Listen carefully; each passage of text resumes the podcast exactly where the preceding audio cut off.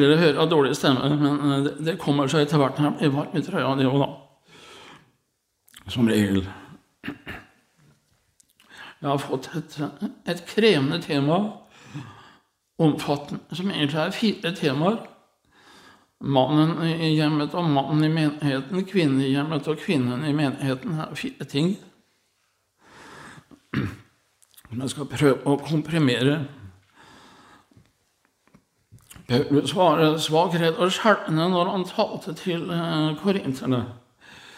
Innenfor dette temaet så kjenn altså den svakhet og uro hver Jeg skal berøre det. Og eh, det tror jeg alle forkynnere skal kjenne på, bør kjenne på. Mm -mm. Og eh, særlig overfor kvinnen, at ikke vi opptrer med en slags sånn myndighet og autoritet overfor kvinnen. Vi skal møte dem med respekt og kjærlighet. Selv om også Paul kunne være myndig i høyeste grad.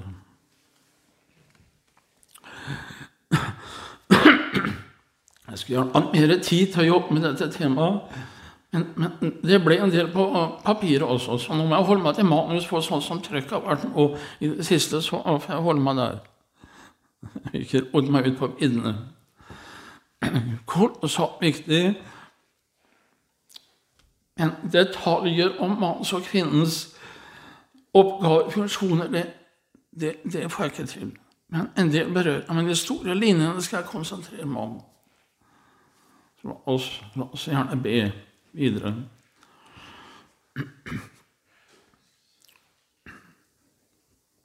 For himmelen, du har skapt oss som mann og kvinne. Det var din vilje.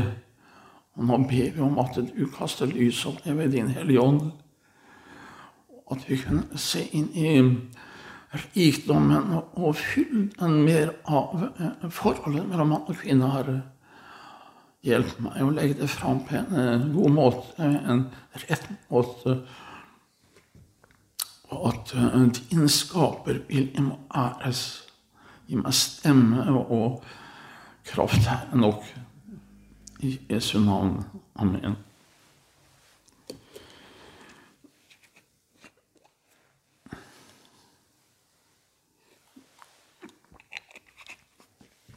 Mann og kvinne, For mann og kvinne er et mysterium. Så å si på linje med Kristus som enheten, men som er på en måte oppfyllelsen av denne dimensjonen. Jeg må få starte først med å si at Guds bilde Hva er det for noe? Guds bilde er mann og kvinne, sier ordet i Første Mosebok. Guds bilde består så å si av to halvdeler, men tør å bruke det visste uttrykket. Og de to halvdelene til sammen er Guds bilde. Det betyr at um, to menn kan ikke helt ha fullt avbilde Guds bilde. En mann og kvinne avbilder Guds bilde. For Herren sier i sitt ord og Gud skapte mennesket i sitt bilde. I Guds bilde skapte han det. Til mann og kvinne skapte han dem. Så mennesket er mann og kvinne. Det betyr ikke at ikke hver enkelt mann eller hver kvinne eier Guds bilde, men fylden av Guds bilde, det avbilder Gud gjennom mann og kvinne sammen. Dette er vår slike retninger som gnostisismen, den gamle vranglæren i Oldkirken, feminismen i nyere tid og, og um, homoideologi, som på mange måter vil demontere kjønnsforskjeller. Og også Guds skapelse. Det at mannen og kvinnen avspeiler Gud, det betyr at Gud er biologisk kjønn.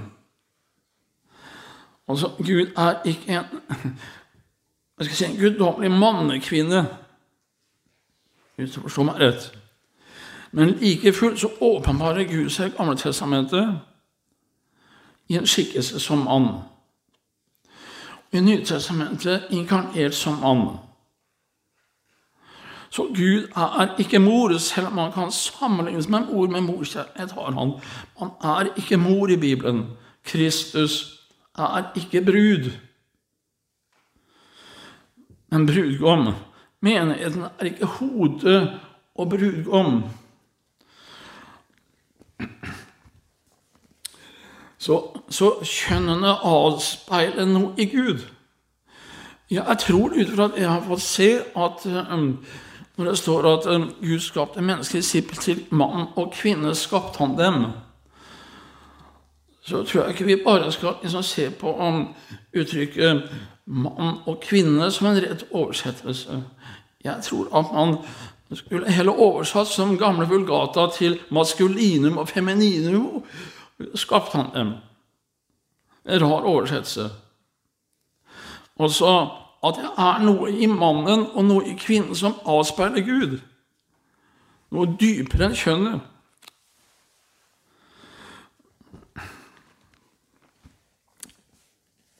Det maskuline skal åpenbare seg mannen, og feminine i kvinnen.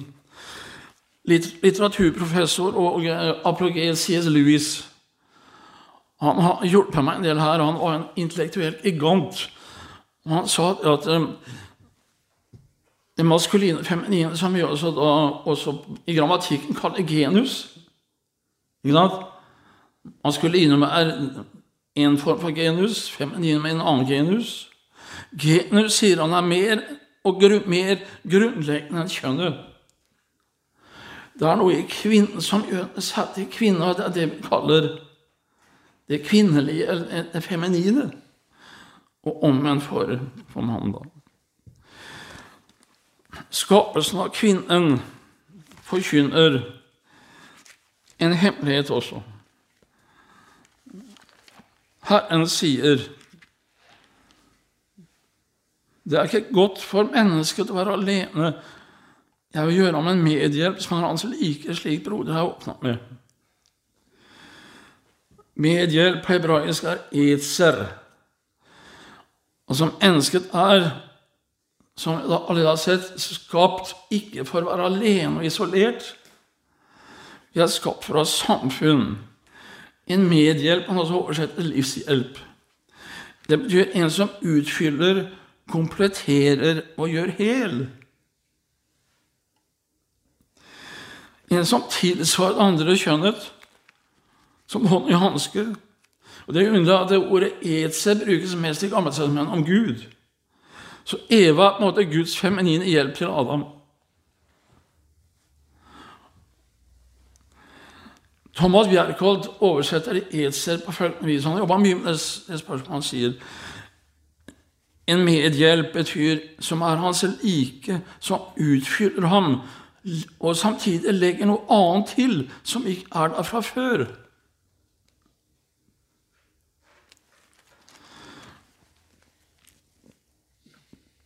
Og så leser vi videre. Så ga mennesket navn til feet og himmelens fugl og markens dyr, men for seg selv fant mennesket ingen medhjelp som var hans like. Dyrene, dyr kunne ikke møte Adams lengsel.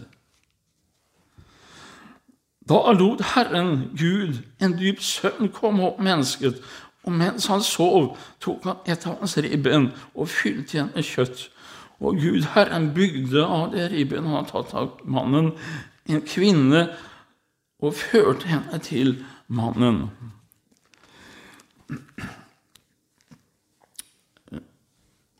Det er kanskje noen som syns jeg gjør mye av det, men det var altså slik at eh, Eva ble tatt på hans side, og dermed så var det igjen et tomrom i Evas indre. Eller Adams indre, mener jeg som bare Eva kunne fylle. Ikke en mann kunne fylle det tomrommet. For det var en kvinne som Gud hadde tatt ut av Adams side. Et ribben står her, men ja, ja. Kanskje vi da forstår at kvinnen omtales som et rivjern.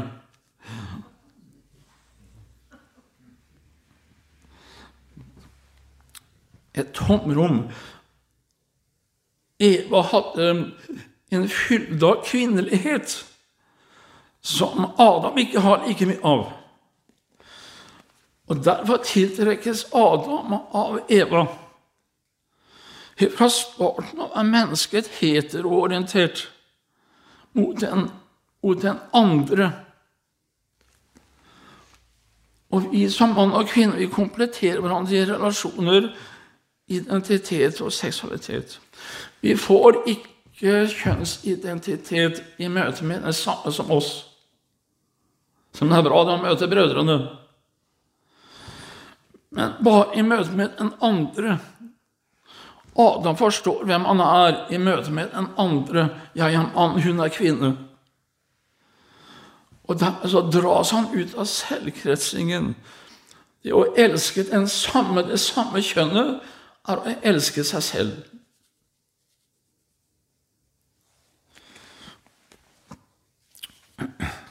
Karl Barth bør man kanskje ikke sitere i en sånn forsamling, men det kan komme noe bra fra reformert hold òg. Og det var en meget uh, reformert evangelisk teolog, Karl Barth. Han sier det slik Hvis Eva bare var som han, Adam, en tallmessig mangfoldiggjøring av ham, ville ikke hans ensomhet bli fjernet. Et slikt menneske ville ikke stå for ham som en annen en. Han ville bare gjenkjenne seg selv i det.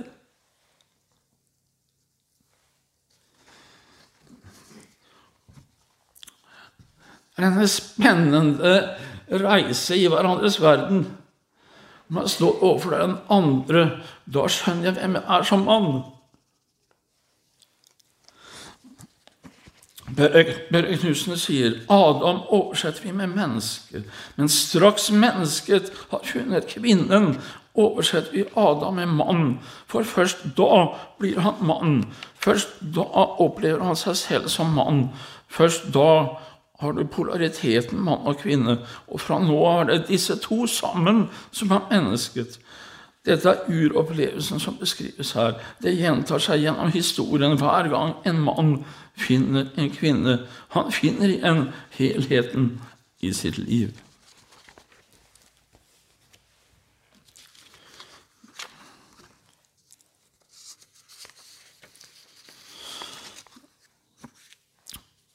Men hvilken, hvilken rett kan vi snakke om det mannlige og kvinnelige?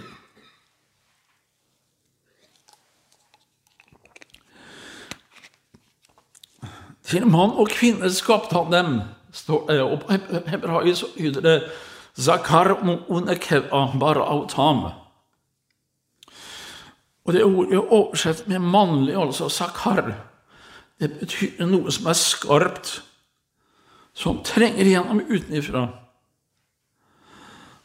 Og Dessuten kan det brukes som det å tåle eller utholde ting. Ordet for kvinne, nekeva, kan oversettes med en kilde, en fordypning eller en hule med verdifulle stener. Og også en som omslutter. Mannen trenger igjennom, betyr jo det, da. Og kvinnen er hun som omslutter og nærer og bærer og verner, og så kan vi føye til det verdifulle fosteret, barnet. Så disse ordene betyr i seg selv mye. Disse, disse hebraiske ordene er helt nakne og direkte. Kan brukes som selve kjønnsorganene. Og vi, vi pakker inn oversettelsen på norsk. Men ikke bare Ordene er ulike på hebraisk, men selve innholdet. Når vi bruker slike ord om mann og og kvinner, så, så taler det om selve personligheten vår og helheten i oss.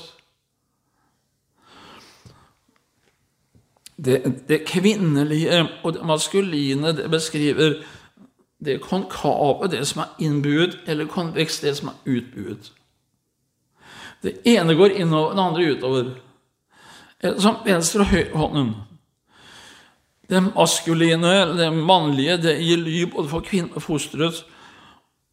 Og så selve kroppen vår blir avspeila helheten i oss. Kan vi se på en måte litt i lys av kjønnsorganene. Vi har i vår tradisjon jødisk kristen tenkning fremheve det biologiske. Det blir jo helt underslått i vår tid. Det biologiske taler om helhet, om mennesket. Men ordene på hebraisk peker utover det seksuelle. Vi utfyller hverandre som personer på en mye dypere måte enn bare på seksuelle plan. Karl Stern har hørt om han. Jødekristen psykiater og nevrolog. Måtte flykte fra Nazi-Tyskland i 43. Så sier han det er et syn som er like gammelt som historien, at måten vi, måten vi utfyller hverandre på, ikke begrenser seg til det fysiske, men til mannens og kvinnens karakter.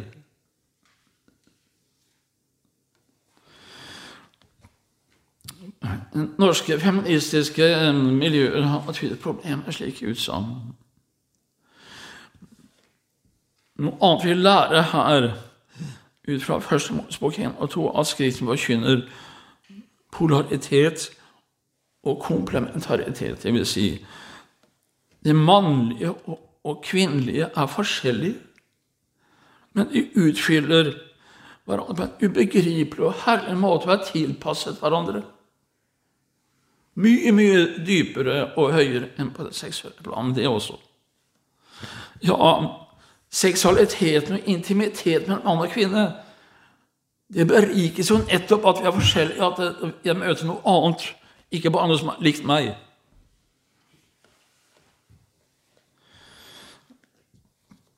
Det er interessant å se på slike ting som på hebraisk er små ting, men likevel sier mye. Ordet for far på hebraisk er av. Det står at to bokstaver på hebraisk betyr hver enkelt bokstav av noe. Har en symbolsk betydning. A kommer av to ord, alef og vav. Og det betyr A står for styrke. Vav står for pålen i teltet. Ordet for ord, M, samme ordet A går igjen der også. Det står for styrke. Ord står for styrke. Og Mem står for at hun er sterkt, at hun er vann, sterkt vann, så å si sterkt lim som binder rundt hjemmet. Men faren er på, faren er på den. Lite sidesprang. Jeg må sitere Carl Stein igjen, som har skrevet denne fantastiske boka The Flight from Woman'. Han sier det slik fra den franske revolusjonen av via Lenin og oppkomsten til moderne feministbevegelser har ordet, ordet 'lik' om kjønnene blitt forandret til å være det samme. Altså ordet 'lik' har blitt forandret til å bli det samme. Utsagnet om at det er forskjeller mellom mann og kvinne, har blitt klubba ned fordi det er diskriminerende. Det er ingen konsensus om hva en gutt og hva en jente er. Bare det å reise spørsmålet får temperaturen til å koke i mange. Litt summering. Mannen er ifølge skapelsesordet en gjennombryter, en inntrenger i positiv forstand. Han er skapt først. Han initierer han er en som skaper, ligner på skaperen. Kvinnen er hun som inkluderer og mottar. Dette samsvarer også med kroppen, anatomien vår. Den moderne reaksjonen i dette, at vi er ulike, det omtales som slaveri, sier typisk feminister. Ulikhet mellom kjønn er dypt urettferdig, kan det sies der. Men dermed blir det ekte mannlige og det ekte kvinnelige trampa på. Alt blir bare likt.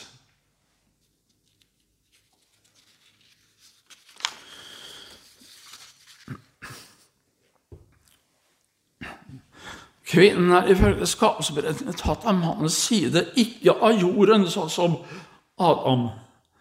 Hun står i en relasjon til Adam på en veldig sterk måte, mens Adam står i relasjon til jorden. Adam er et arbeidsmenneske. Vi kan si at det mannlige da kjennetegnes ved gjøren. Ved å skjære igjennom, initiere og angripe det kvinnelige væren. Maria sier 'Jeg er Herrens tjenerinne'. Den andre Maria, søster til Lasarus, sier Eller omtaler som at hun er hos Jesus og lytter. Barnet er i henne, hun er i andre, hun er nærværende. Hun er et hjem. Både for barnet og Gudesønnen, til og med for Jesus, er et hjem. Maria. Den samme Karl Stern han beskriver ulike ordpar om det samme. Han nettopp som psykiater og arbeider med mennesker så grundig og også om væren og gjøren. Men også ordparene sannhet og kjærlighet, lytte og lyde. Kristus og Kirken oppfyller alt dette i skapelsen. Alt peker fram mot Jesus Kristus.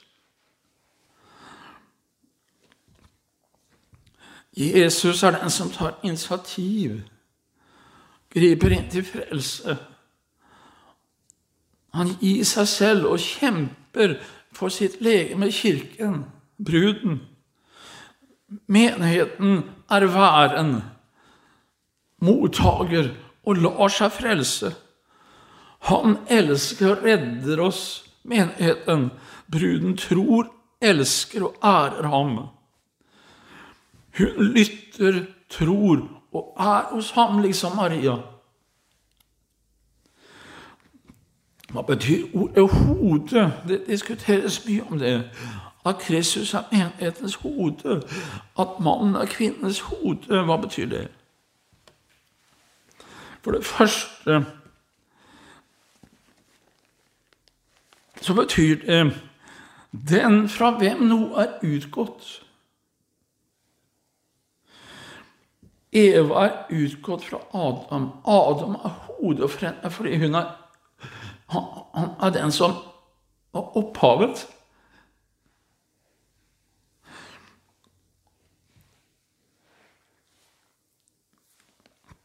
Det kommer også fram i Efesene 5. Vi er lemmer på hans legeme, av hans kjøtt, og av hans ben, sier, sier gamle Ireneus her. Vi har, har, ikke det med i vår oversettelse, men i Oldkirken var den tilføyelsen veldig vanlig. Så Antron Paulus har sagt man tolka for ordet slik.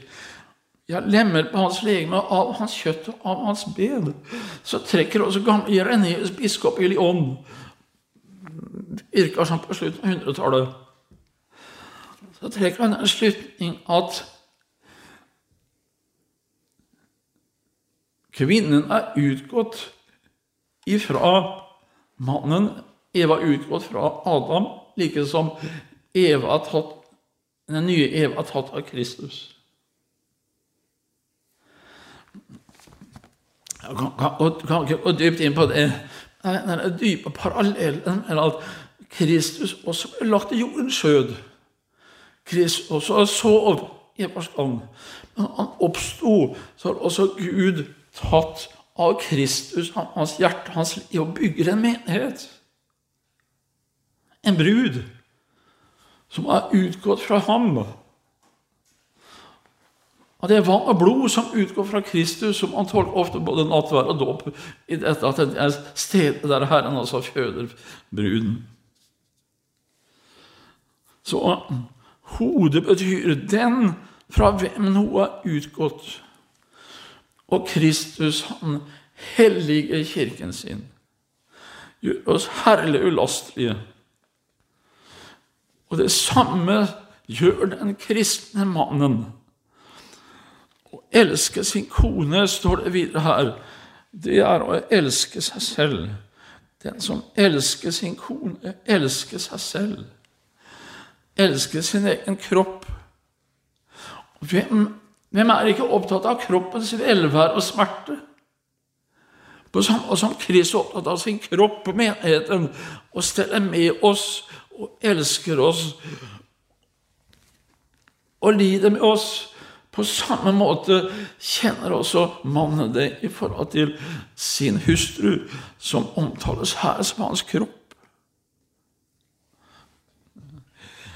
Nøye sammenheng mellom Kristus og kirken og eh, mannen og hustruen i dette kapitlet.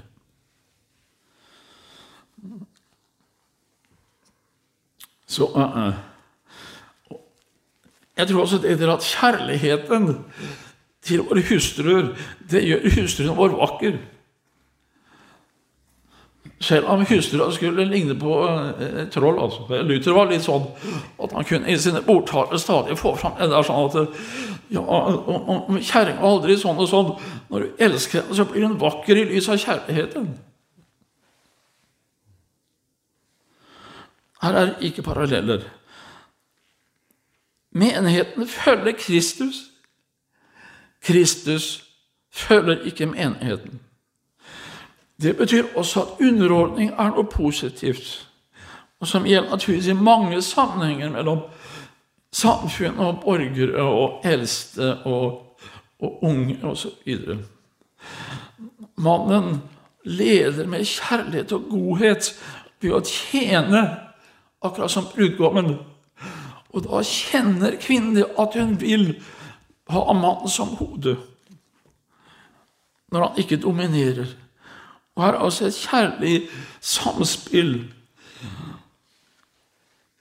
Hun anerkjenner ham, respekterer ham som leder, for hun ser Kristus i ham. Og Kristus vil hun bøye seg for. Jeg kan føye til at kvinner vil neppe ha myke menn, men snille og faste menn. Gode menn som leder og lærer opp sine barn.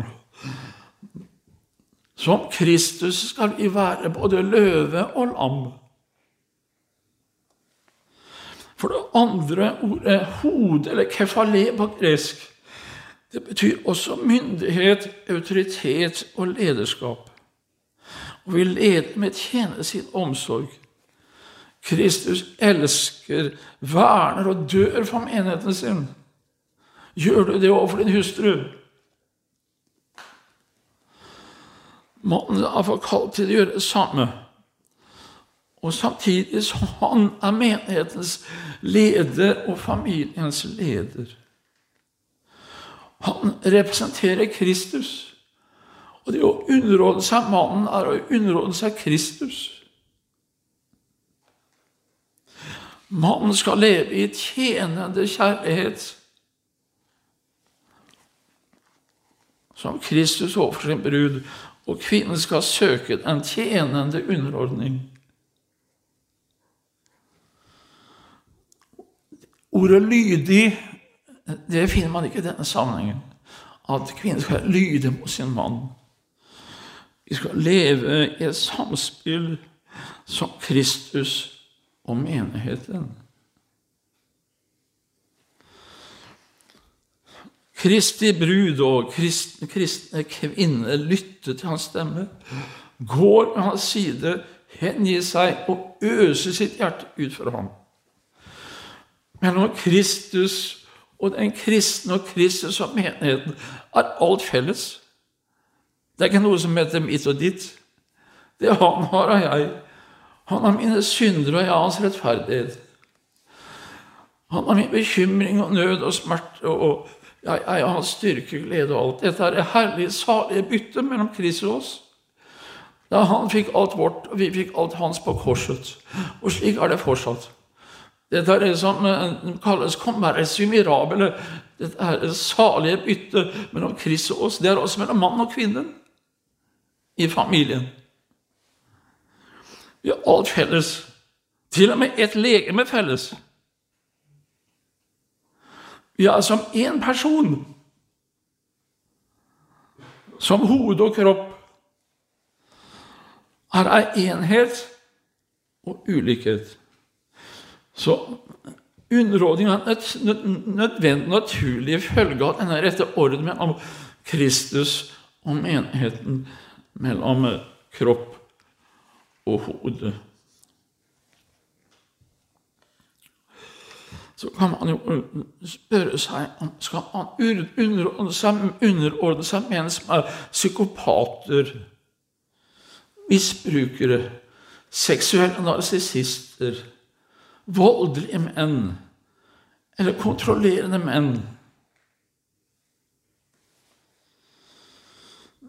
Som f.eks. nekter sin hustru å gå på møter. Skal man underordne dem det? Her bryter det utgangspunktet hele samspillet og enheten mellom Kristus og enheten som det store forbildet. Det kan du tenke på. Menn som ødelegger sin hustru sin familie, er ikke lenger hodet, men eh, destruktive.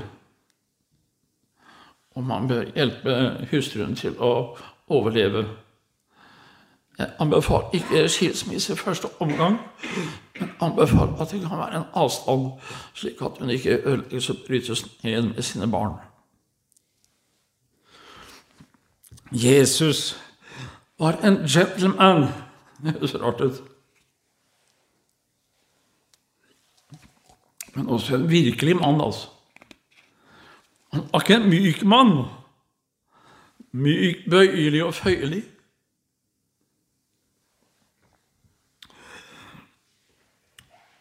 Han var fast og sterk, men en mild mann. I tempelet så ser man ikke mye feminint der Jesus raserer handelsspor og allting. Men andre ganger så er han en hønemor full av medynk. Han er som sagt både løve og lam. Det tror jeg er et godt mannsbilde også.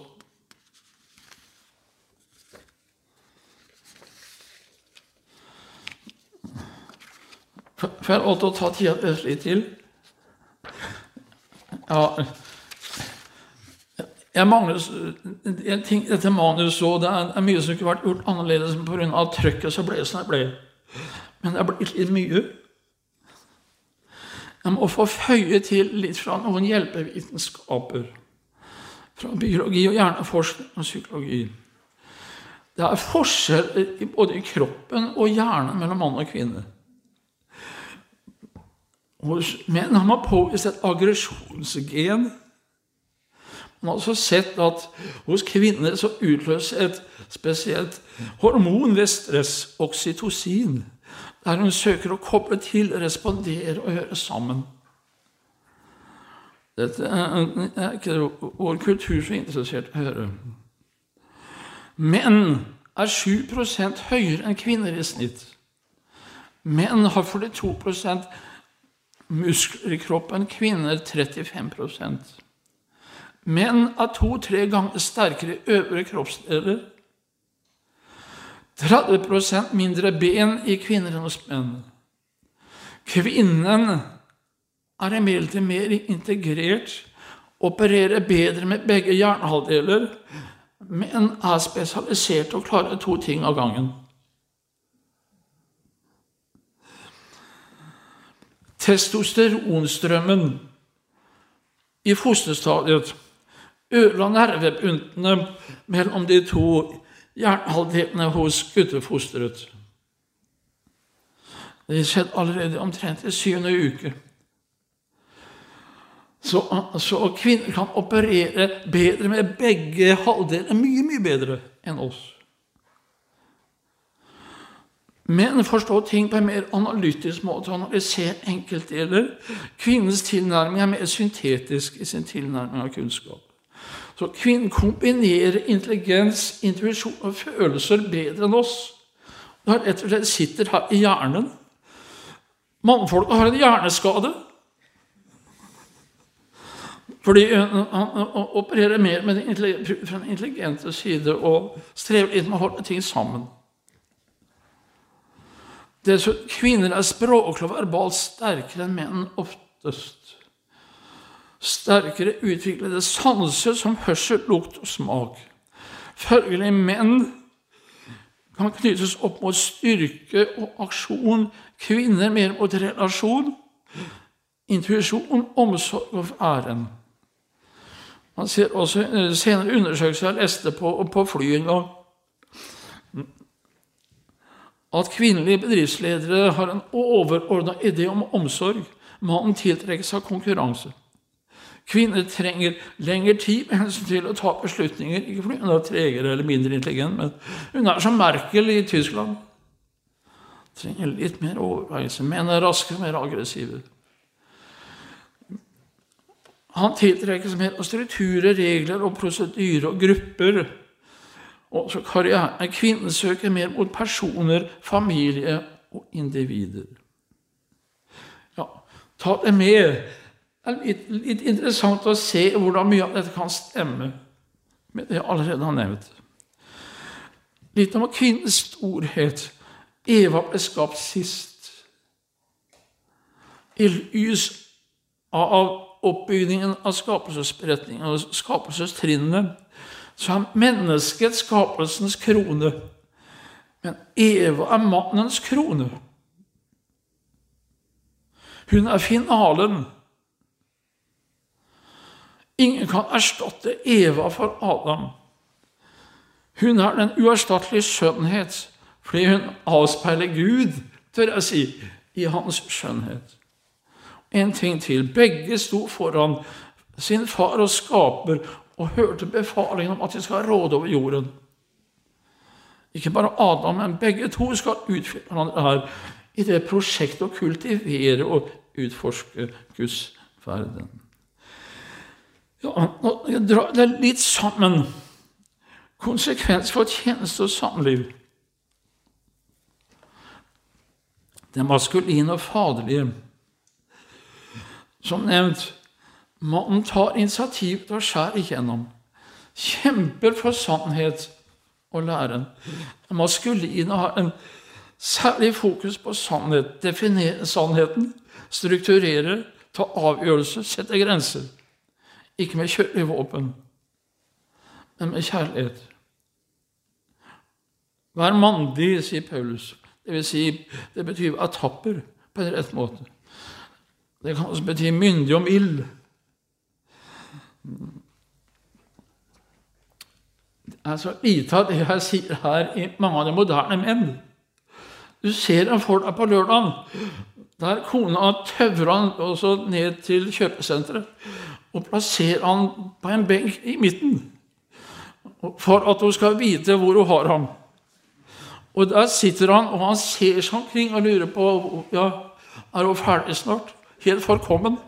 Inntil hun har tatt av runden og, og, og tøver han tilbake og plasserer han i godstol. Så han kan få sitte i fred og se på tippekampen. Karikert. Men, men hvor er det som Bibelen snakker om at en mann skal lede og styre sitt hus i 1. Timotius 3? Som står foran, tar ansvar har en ledende funksjon gjennom enighet.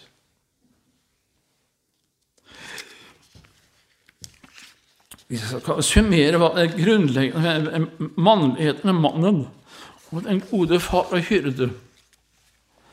Så er følgende Han bryter igjennom, har en skarphet i seg, tar initiativet, leder, beskytter og strukturerer, tar avgjørelser videre. Han gjør, han gjør ting, han handler, han skaper som Faderen. Han kjemper og kriger og overvinner, men ikke med kjølige våpen.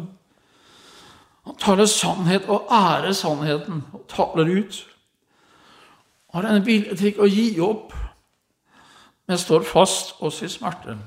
Og er forenet med kvinnen. Det sant mannlige vil forenes med kvinnen. Har sin primære identitet i vår far og i Kristus og hans maskulinitet. Dessuten, den sanne far gir også identitet bekrefter barnet, bekrefter troende med personlige gaver. Adam ga navn til, til dyrene. Og det går igjen altså opp hele Gamletestamentet at det er mannen som i navn. Det vil si identitet. Det gir navn er mye mer enn å gi en sånn etikette på seg. Men det er i en karakteristikk av sønnen. Et navn, en hjelpe han til å bryte ut i en sånn personlighet. Det var mannens oppgave. Men det gjelder også farens oppgave for kvinnen for å, og for dattera. Og at dattera får hjelp av faren til å se sin store verdi, og at hun er vakker og fin, og at hun, ja, hun holder oss som mål. Han bygger bro over til den mannlige verden. Faren er viktig, veldig viktig for identitet for dattera. For, for faren er den nærmeste manns, mannsfunksjonen vi har. Slik at faren kan hjelpe dattera til å det skrittet å nærme seg gutta, annet. Det har skjedd en krise her, dessverre. Syndefallet innebærer en de mista vår grunnleggende identitet i far og dyrker det skapte istedenfor skaperen. I stedet har det også en aggressiv far, en fraværende, kritiske far. Og særlig en far som er borte fra hjemmet. Det preger jo veldig mye av Skandinavia. Det har vært smertelig å være på konferanser og oppleve gang på gang at de som kjemper med kjønnsidentitet, nettopp har erfart en fraværende far. Man kan lure på om det er et stort problem, spesielt i Sverige, der jeg møtte Altfor mange barn erfarer det som står i barnesangen venter på far. Og det fører til at barnet, og ikke minst gutten, havner i aggresjon, hensynsløshet og voldelighet. Eller at gutten trekker seg inn i den feminine verden. Det naturlige behov i gutten for å hevde seg det blir ikke kanalisert på en sunn måte fordi far ikke er der. Det er bare menn som fostrer menn. Man sa det sånn i gamle dager. Man blir ikke mann før, før faren din sier det. Du blir ikke mann før faren din sier det.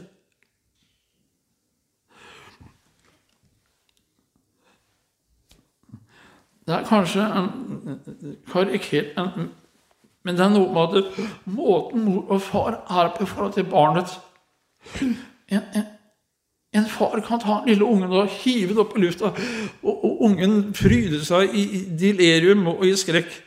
Den blir fanga opp av faren, mens mora får et hjerteinfarkt. Det er litt av ulikheten der mor sier 'sukkerklumpen', og far sier 'min kjære tigergutt'.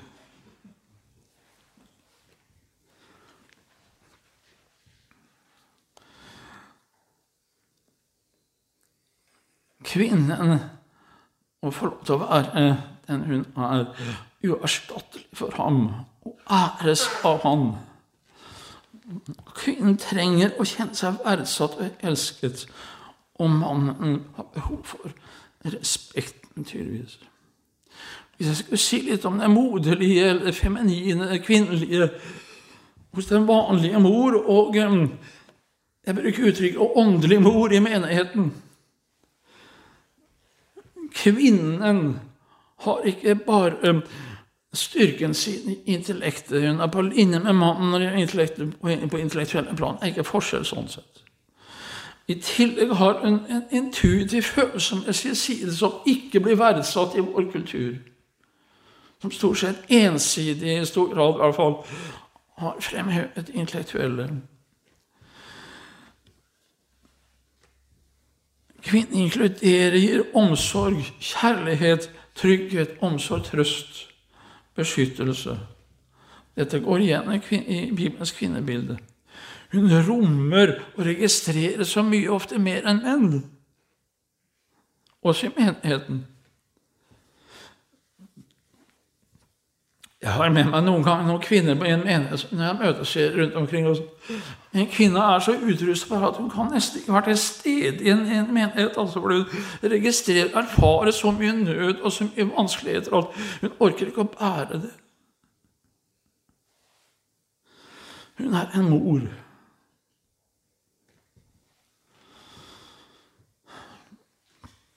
Den åndelige mor og den vanlige familiemor bindes sammen i varme nærhet og trygghet i menigheten. Hun kan se mange ting og mangt annet. Hun styrker relasjoner i menigheten. Men det viktigste vil si om den sunne, modne kvinnen, er at hun lytter til Herren. Er noe grunnleggende ved, med kvinneligheten at man er kalt til å ta imot fra Herren først. Lytte til ham i bønn og stillhet. En positiv eh, passivitet innenfor Herren, som Maria, som satte seg ned og hørte. Hvor vi trenger kvinner som lytter til Herren hans ord.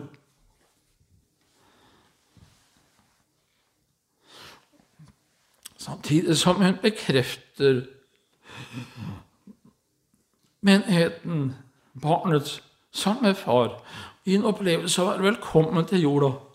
Knytte bånd og sette pris på, gi rom for, for væren.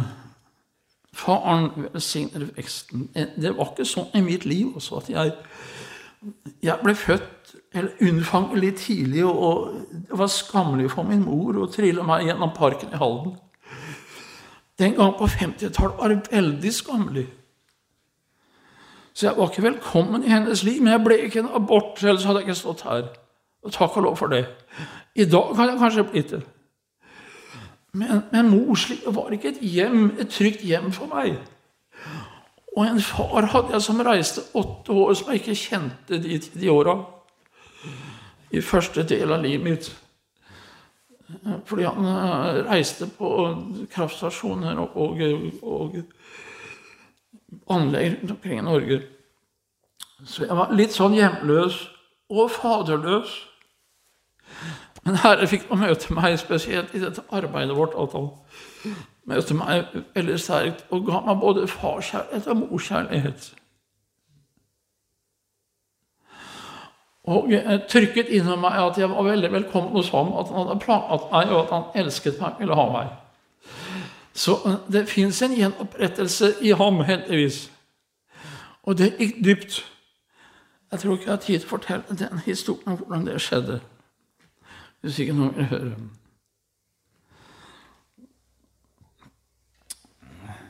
Kvinneidealet i Nytestamentet er myndig, oppreist kvinne. Likeverdig i forhold til mannen. Jeg må også få si at eh, forholdet mellom mann og kvinnelig er ikke så stereotypt som jeg kanskje har sagt hittil. Og ikke så enkelt heller, som jeg har sagt her. Menn og menn er ulike, kvinner og kvinner er ulike seg imellom. Men er noe grunnleggende mannlig i mannen, noe grunnleggende kvinnelig i kvinnen. Så, eh, og så tror jeg da at enhver kvinne skal ha noe jeg tør å si maskulint i seg tilpasset sitt kjønn. En mann og feminint. C.S. Lewis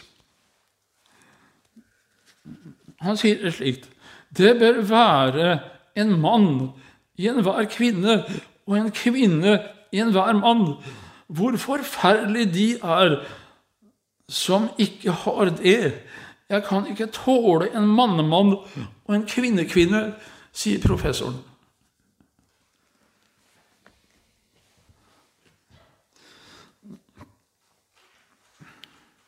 er noe liksom, Den primære genusidentiteten min er, er mann, men jeg har en sekundær side også. Akkurat som kvinner må ha det. Og det er også viktig at, at jeg har kontakt med denne sekundære siden. At det er noe feminint i meg. Så lengter etter mer av det. Derfor tiltrekkes jeg av kvinnen. Hvis man ikke har denne dobbelthet, så roter man til forholdet mellom mann og, og mann, kvinne og kvinne, og dem imellom. Jeg spørre dere brødrene og hoppe litt og gå litt inn på mange ting. Det er mye å forholde seg til. Hva er det som gjør deg mest levende, tro?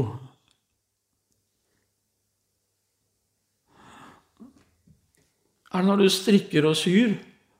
Broder, ja, ja, kanskje det. Det er mye uh, flott i det også, men hva er det som gjør deg levende? Tenk over det. For meg er det noe Jeg, jeg syns jeg blomstrer som mann når jeg har å stå i strømmen av sannhet kombinert med kjærlighet.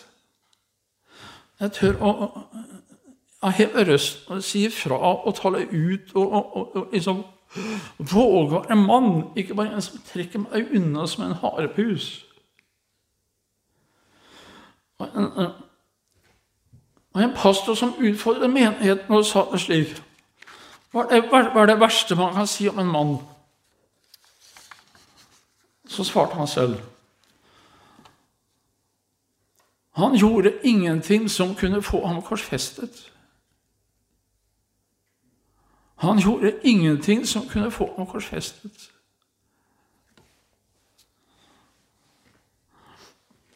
Det kan være en del treffende. Men at vi følger Kristus i korset, det kan medføre lidelse og smerte, ja, i verste fall døden. Altså. Derfor vi ser opp til Hans Nilsen Hauge og andre. De følger Jesu koste hva det koste ville.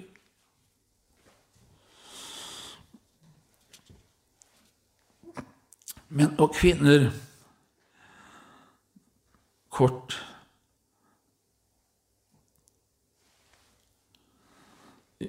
Hun underordnet seg som en Kristus, men en kristen hustru underordnet seg ikke hun andre menn, bare sin egen mann. det må man også si. Men i en menighet så underordner oss under mannen. Kom tilbake til det.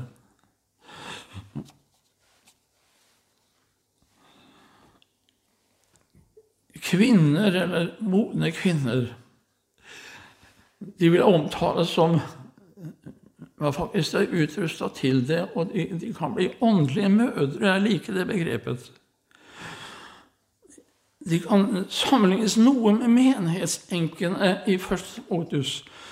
Som lærer yngre gjester gjør godt hjelp med mennesker i nød, står det om dem. Som Debora, Debora, som var en åndelig mor i Israel, og samtidig profetinne. En mor i Guds familie. Og disse åndelige mødre kan gi grunnleggende impulser inn i menigheten til lederne. Innspill og hjelp også. Mødre som registrerer og erfarer og ser mer enn pastor mange ganger. Hun er ikke leder for menigheten, men hun kan gi impulser. Ved et vanlig hjem så snakker mann og hustru med hverandre om grunnleggende ting og deler alt. Slik også en menighet gir varme og kjærlighet velvære. Mannen er en som gir identitet, selvstendighet, til avgjørelser. Det er pastorens oppgave. En åndelig mor i menigheten Jeg kan nevne i hvert fall seks ting som også hun kan ha av gaver. Hun kan profetere i første kor 11. Be i menigheten assistere til og med Paulus som føbe, veilede som Priskilla sammen med sin mann Akvilas, evangelisere og lytte til Herren i ordet.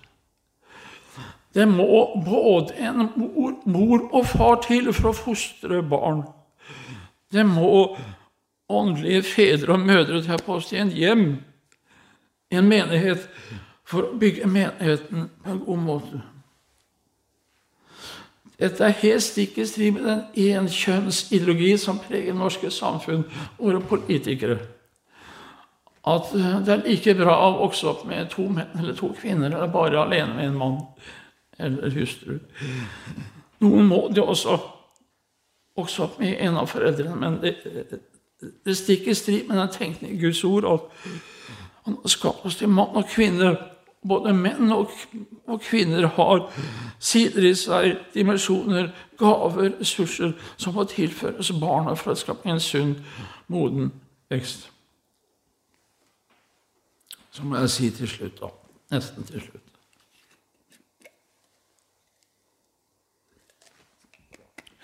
Hvorfor kan ikke kvinnen være åndelig lærer, pastor, eldste tilsynsmann? Er dette bare bud og krav som Herren trer nedover kvinnen? Eller har det sammen med kvinnens vesen også, og person?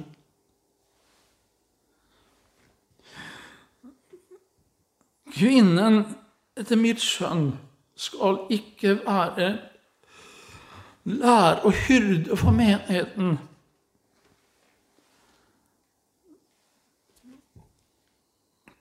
Hvorfor det? Her tror jeg Bibelen er konsistent, som vi kan bruke uttrykket. Det vil si konsekvent sammenhengende. Slik at når Bibelen snakker om, om hodet, det å tie og være og være herre osv., så, videre, så henger ting sammen i Guds ord. Må se ting sammen, ikke bruke ting opp mot hverandre.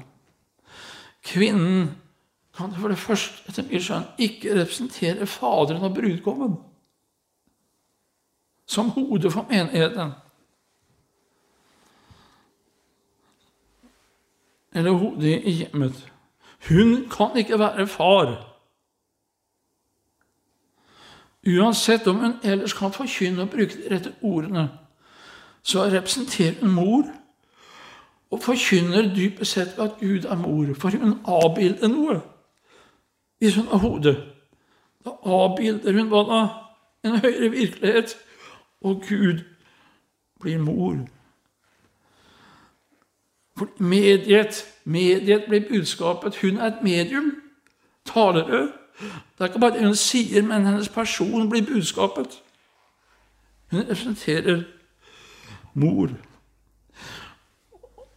Og det man så fint sier, hun representerer det regressive gudsbildet. Mener med det? Vi har alle en tendens til å ville søke tilbake til mors favn, til moderskjødet, ja, til fosterstadiet. Tryggheten, det ansvarsløse, det frie, uten lidelse og smerte. Vi har alle lengst etter å komme inn dit.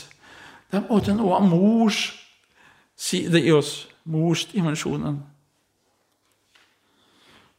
Det man kaller regresjon. Og, og som mor så symboliserer hun at Gud da er tilbaketrekkende.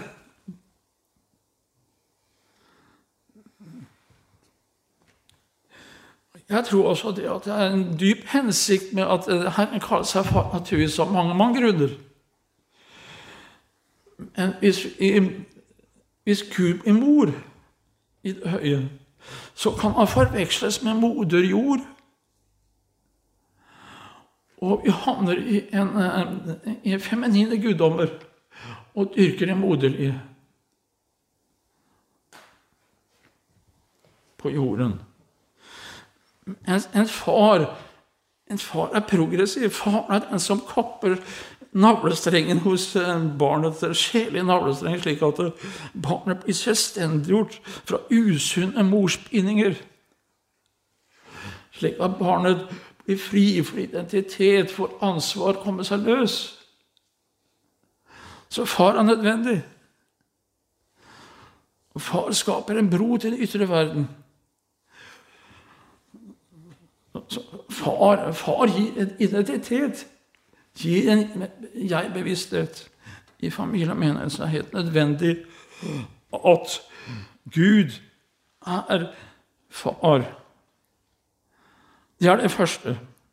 Det andre jeg vil si, er kvinner for svake og begrensa til å kunne være pastor og leder og lærer for menigheten. Kanskje kan si at hun er for sterk hun har for stor kapasitet til å romme og favne og inkludere.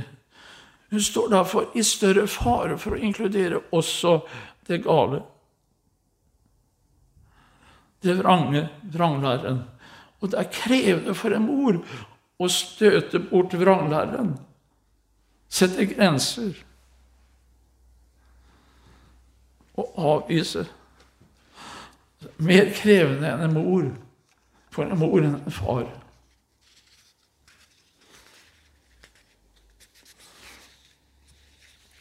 Du får ta det med deg og tenke over det.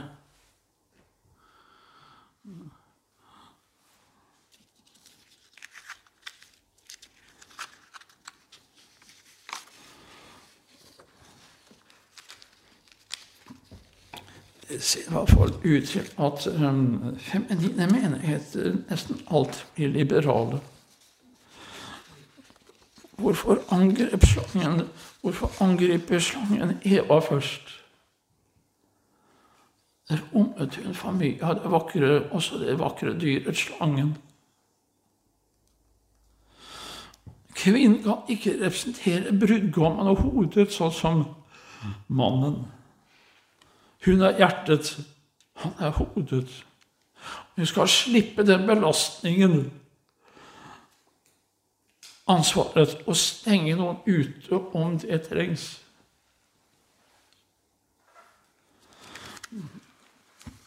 Så kan sikkert noen lure på hva det betyr å tie, men det har jeg sikkert tatt av mange ganger her i FBB-sammenheng. Men jeg tenker at det, det,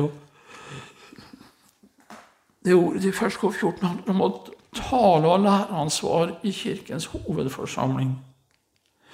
Kirken kan delta mye, i mye annet, men ikke Kirkens hovedforsamling. Og tale, da skal hun tie. Men hun er medarbeider ved siden av mannen.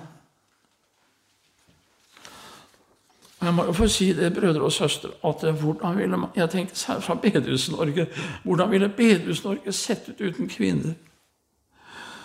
Uten kvinner er disse bedehusa visna. Uten mannen så vil mange menigheter, og det skjer, vannes ut. Jeg takker Herren for alle de kvinner i min tjeneste, som har registrert, sett, rommet og gitt meg impulser. La meg forstå hva som er nød, problemene og behovene i menigheten. Det må vi ta inn over oss. Her har kvinnen en kapasitet som vi ikke har som menn. Men hun kan bære for mye også. Derfor skal jeg ikke belaste henne med alt.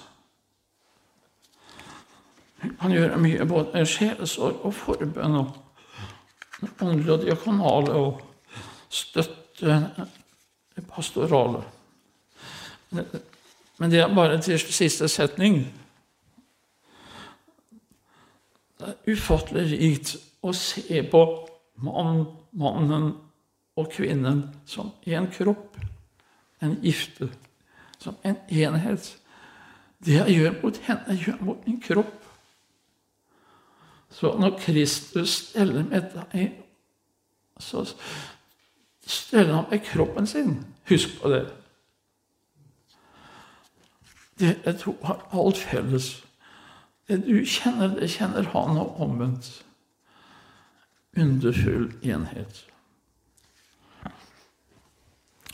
Takk, Jesus, for uh, ditt ord. Og så er det fortsatt mye som står igjen i dette. her. Det er et mysterium som jeg er innom nå, Herre. Og jeg forstår ikke høyden og dybden og bredden og alt sammen her, men jeg har prøvd å legge fram det jeg ser, og så langt jeg ser, Herre. Jeg ber deg, Jesus Krist, at du som elsker både mann og kvinne, må løfte oss opp, og så vi blomstrer, så vi finner vår verdi av våre plass og våre ressurser og gaver i hjem og menighet, slik du har tenkt det. Hjelp oss å ære hverandre og glede oss over hverandre og virkelig takke for hverandre og, sette hverandre høyt, Jesus, slik du gjør i din menighet, som er din kropp, din brud. Velsign du dette arbeidet. La din Hellige Ånd få lov til å lede oss videre i FBB-sammenheng. Amen.